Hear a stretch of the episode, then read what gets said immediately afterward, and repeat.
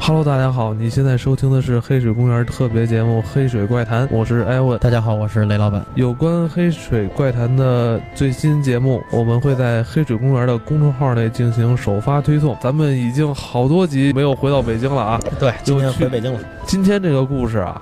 其实发生在一个特别好的地方，对，特别好。这个医科大学医学院里。某医学院，某医学院对故事呢是怎么回事啊？是我小时候，嗯我小时候就听说了一下，然后我就把这个整件事儿就给对起来了。嗯后来呢，我还跟别人聊过，别人也知道这件事儿，因为那个时候是怎么着啊？我小时候在哪儿？我小时候在西城区上的学，我西城区是西直库小学毕业的，我是嗯，西直库小学旁边就是北京的北大医院。对对对，我们家人呢，我姥姥家呢都是北大医院的医医护工作者，然后正好赶巧的那附近不就是有那个就是医院的家属院嘛，所以嗯附近的孩子有一班里得有一多半儿都是医院的，从事医院的医院工作者或者大夫什么的。哦，这件事儿呢，就从这里传出来的，九十年代初或者八十年代末那会儿，嗯，发生在这个哎那个医科大学的。哦呃，这医科大学跟这医院是，就是工作上是大学毕业以后哦可以有哦，直接是分这配个到定点儿的，对对对对对，嗯嗯大概是这意思吧。是医科大学的大学生，然后呢是在上那个解剖课的时候，嗯，解剖人还是解哎，解剖剖人？啊，当然解剖解剖人人，解剖动物那太 easy 了，嗯解剖人病理学解剖课还是什么？这大概我也不知道啊，反正人家当时当时这么说的。解剖什么呢？检查死因。这当时这故事中这个病人啊是心脏病，心脏病去世去世的。但是在心脏病发发生心脏病的时候，发现这个人有就是就是有癌变，就是肺上有嗯癌细胞。嗯，大概老师在讲这件事儿，是一个主任主任医师在给这帮学生讲这个事哦，儿你。是说当时这件事儿发生在课堂课上，堂上，对，就是解剖室里边儿，众目睽睽之对，下，好多学生呢围着哦老师在解剖，给大家讲这件事儿，哦，说怎么着心脏病啊。但是你看哦这个人其实不得心脏病的话，这人也快死了，因为你看哦他这有癌细胞，癌细胞，他嗯肺已经都不行了。大概讲这么一个过程，哦，在讲这个过程中的时候，嗯孩子们都在，就学生们啊，不是孩子们了，学生们都在仔细听主任讲这件事儿，讲这个病人的这种病情啊、解剖啊，讲这些事儿。嗯，但是主任当时啊，一边讲一边就发现了这个病人身上奇怪的，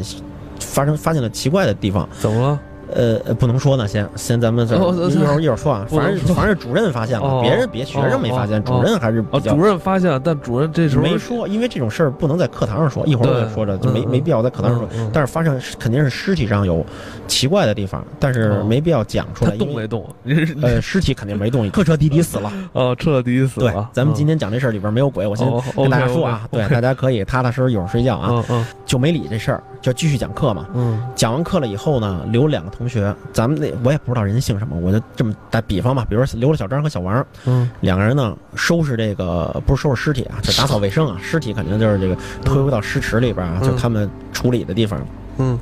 打扫卫生做值日。老师呢，这主任呢就去这保卫室啊，还是传达室，我不知道啊，反正就是看门的这个屋子那儿，是就是问了一下，说这个呃昨天晚上或者最近晚上有没有人就是来碰这个尸体什么的，来咱们这儿。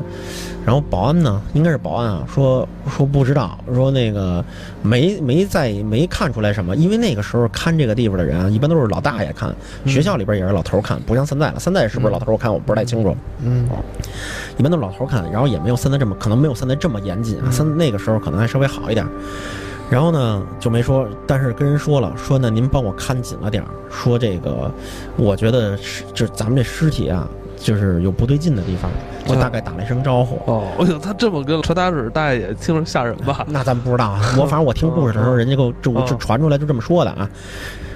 然后呢，与此同时呢，就是这个这个这个班里不是还有俩孩子吗？俩学生呢吗？嗯那这小小张啊，就看这小王啊，说哟，最近你怎么了？说这个怎么这个是是精神精神状态不太好，然后那个眼睛那个眼袋都起来了。然后是不是不舒服呀什么的？后来说没有啊，说说最近没什么不舒服，就是好像有点上火，牙龈又出血，牙龈又出血呢，然后还有点失眠，就是早上起来不管怎么睡啊，早上你醒了以后啊，都特别难受，就跟没睡醒似的。嗯然后呢，说要不是要不是上咱们院里边儿，咱们院就是那大学离着一个学一个那个那个大学离着一个医院也特别近，说要不然看看去。他说没事儿，他说要不然吃随便吃点药，是不是可能有点感冒或者失眠什么的，嗯就没太在意，没太在意呢，这事儿就过去了啊。第二天，第二天上课不，当然了，不不光是这个，咱们讲这课的时候，不光是这主任在这儿讲课，别的老师也会嗯，来，给别的班的学生们讲课嘛。嗯别的老师啊都发现了，也跟主任说过了，说过这事儿。然后呢，就说这个尸体上有问题，什么问题啊？就在尸体上啊发现有被咬过的痕迹，而且这个肉啊有的地儿都被撕裂掉了，就撕下来了，撕扯的这种痕迹，哦，被人咬了是吗？被东西给咬的。当时他们还不能肯定是人呐，还是或者是动反正不可能是动物，嗯反正绝对是牙印儿。后来是这些。这些都都是大夫，都是老中医啊，谁也别给嗯谁开药方嘛。嗯都是大夫都能看出来这东西，然后就说了，说这个，我操，说这个是一个很严重的、严肃的问题，嗯说这个尸体有人被动过了，这这个尸体有人在这个一看就是牙咬的、或啊咬撕裂的这种状啊状态了，然后就问这个问这个保安啊，都问了，说这个有没有看见谁来过这儿，或者怎么着？下了课以后，就是在不该上课的时候来过。他说，就是昨一天晚上，昨天不是说过了吗？就是跟打过招呼了吗？晚上说他晚上啊值班的时候啊，挺晚的了，看见特别晚了。然后呢，看见呢，就是那个小王同学来了一次，来了一次呢，好像拿着什么本儿啊，好像拿着东西，然后又走了，没多长时间就走了。说这奇怪了，说我操，说这个是怎么回事？还是说咱们因为尸体运来的时候没有问题的是，然后即便有问题，都是写清楚了什么什么问题。他这个东西，这个就反正很奇怪。然后呢，这几个老师呢，晚上呢，还有保安呀、就是商量了，说晚上咱们在这儿盯着，看看晚上谁他妈来去这这尸体动我手脚。然后呢，晚上呢，他们就就埋伏好了，在办就办公室里就埋伏好了。这回埋伏是这个老师埋伏，呃老师埋伏的，对好吧，这这必须得这挺逮着呀这那挺这怎有么意回思事儿的。说不清楚啊咱对刚才刚录完一集是工人群众，对还有是吧民 兵，对民兵来那个埋伏，对这期老师也要老师 老师埋伏起来了，嗯就是就盯着呀，晚上都关了灯，他十一二点了也没见动静，说是不是咱们多想了？是不是他这就这样啊，还是怎么着啊？啊，然后呢，盯到一两点了，哎，果然看见这小王同学来了。一看见这小王同学来的时候，他们也没开灯啊，就看见他自己来了以后，自己拿钥匙从那旁边门口这个柜子上叭一摘这钥匙，进来往里走，开里边那个解剖室的这个不是还不是解剖室，他们那叫什么尸池，在停在地下的，尸体都搁在一种大大缸大池子里，那嗯池子是埋在地下的，嗯所有的尸体都是脑冲下，脑袋冲下，脚冲上，泡在大缸里边。啊，打开盖儿了以后，你能看见一大堆脚丫子，每个脚上都有那牌儿，尸体那牌儿，啊就那牌儿上面写着这男多大，什么什么什么，都写的一些信息。嗯然后上面有钩子，你勾这脚啊，就能给这尸体勾上来，嗯搁在车上。推出来，这边就是解剖室，搁在解剖室，然后弄好了以后，学生们在这儿上课，就这么一个环境。嗯进去了，所有老师呢就跟着他，这个学生呢就在前面走，都知道梦游呢，梦游，典型的梦游，哦是吗因为他就那就从他们眼前走过去了，他就不知道，就这直不愣登的，哎，就走过去了。他们就跟着，也不能叫孩子，你这一叫孩子给叫醒了以后，不是说梦游的人是不能随便叫醒的不吗是，？这大夫也信这个 呀？对对对，反正就跟着他，一看看他到底干嘛呢？嗯开个门，哎，自己人家把尸体拿出来了以后，铺在这儿就开始低着头在那儿啃，这老师都吓坏了嗯，，哎呦，在那儿啃，老师也不敢叫他，在那儿啃啃啃，没一会儿完事儿以后，人家自己把这东西又搁回去，都收拾好了，要出门回来走了。后来发现原来这个是这个小女孩啃的，小女孩梦游睡不好觉，然后牙牙上有牙龈出血，其实她晚上咬这东西咬的，咬的自己就咬咬出牙龈出血了已经。然后呢，怎么办呀？后来呢，说说哎当时还说这个人家这学生是一个挺不错的学生，学习还特别好，一个女女学生。嗯也没报警，然后呢就找这孩子啊，找家长，然后找学生谈话，谈完了以后呢，后来别的好多学生都不知道怎么回事儿，反而这个呢就劝退了，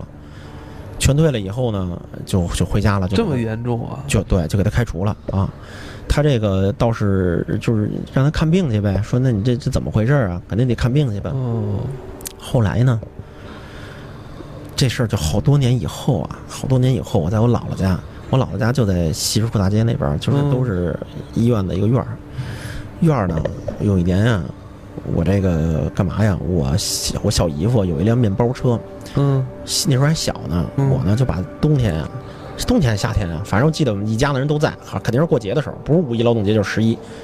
要不就是春节，嗯一家人都在的时候，我拿着我这我小姨夫那个车钥匙上车，我玩方向盘，啊，摇着窗户我在那玩方向盘，过来一女的，那女的我从来不敢惹，为什么呀？是一神经病，啊神经病，神经病。那我老家院儿一神经他病，咬你了，不他不，他不，他不，他都不咬我，他在那儿看着我，我就是看了一眼，哎呦，我当时我想，我操，太尴尬了，我说怎么他呀？我我说阿姨好，然后他就问我你是谁呀？我说哎，阿姨好，我还没说话呢。他说你干嘛呢？你几岁了呀？然后他就一直在那看着我，就是就是特目光呆滞的看着我。然后我我呢，我说阿姨您好，我说我是，然后他一边问一边就走了，这脑袋都不脑脑袋都不动弹，然后就乐呵呵的就走了。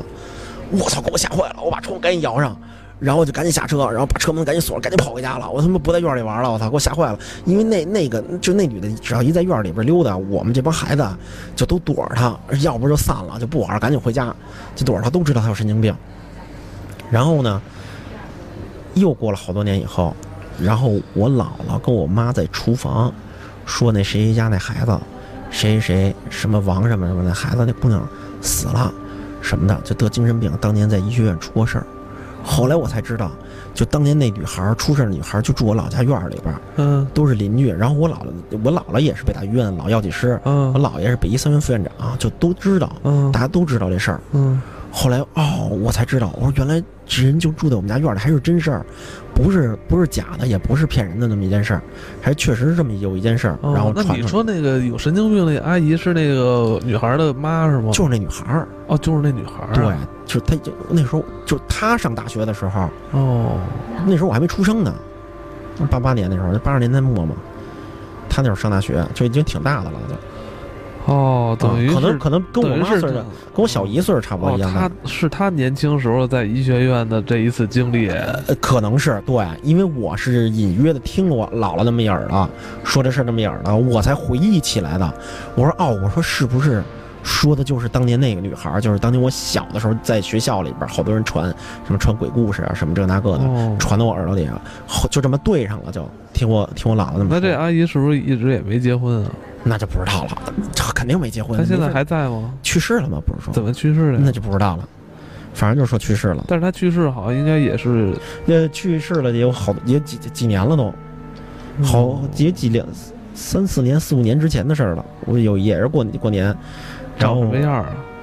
短头发，然后挺白净儿的，然后也不戴眼镜儿。是是挺作腮的那么一个，而且特黄，这人皮肤。开始小的，我特小的时候就见过这女的，那个 那个时候看着还好一点儿，后来越大就也能看出那种老老老的那种状态，然后那个就已经就作腮的那种感觉，那就啊你嗯们干嘛说人有人人就是精神病。怎么精神病啊了？就是他这目光呆滞，然后要不就自己跟自己在墙角那儿玩儿，那么大岁数了，他在墙角玩的时候都三十多了，精神不正常的人，但是我觉得这条线啊，还是应该再追一 下。我觉得这条线应该还是追一下，他就是这个故事的这主人公啊，也但不我只好能说回去啊，。我只能回去问我妈问我姥姥去了。对啊，主要是我不，我我觉得，呃，这么着问着不太方便，因为他们都这地方都认识，我操，就聊这事儿感觉不太好，我操，嗯啊，嗯，咱们聊了一个有关医学院的一个小轶事啊，还说呢。嗯三哥再说一句，补充一句，啊今天我还跟我一个哥们儿聊呢，我那哥们儿就是，呃，那个大学毕业的，啊，我今天还特意问了一件事儿，我说今天晚上我要录节目就要说这件事儿，我我大概给他讲了一下，我说你听说过，他说没听说过，但是跟听你讲完了以后，觉得一点儿也不奇怪，我不知道为什么他觉得这种事情不奇怪，但是肯定是有原因的，嗯，他说这事儿不奇怪，这没什么奇怪的，说是啊，晚我上说啃尸体都不奇 怪。对，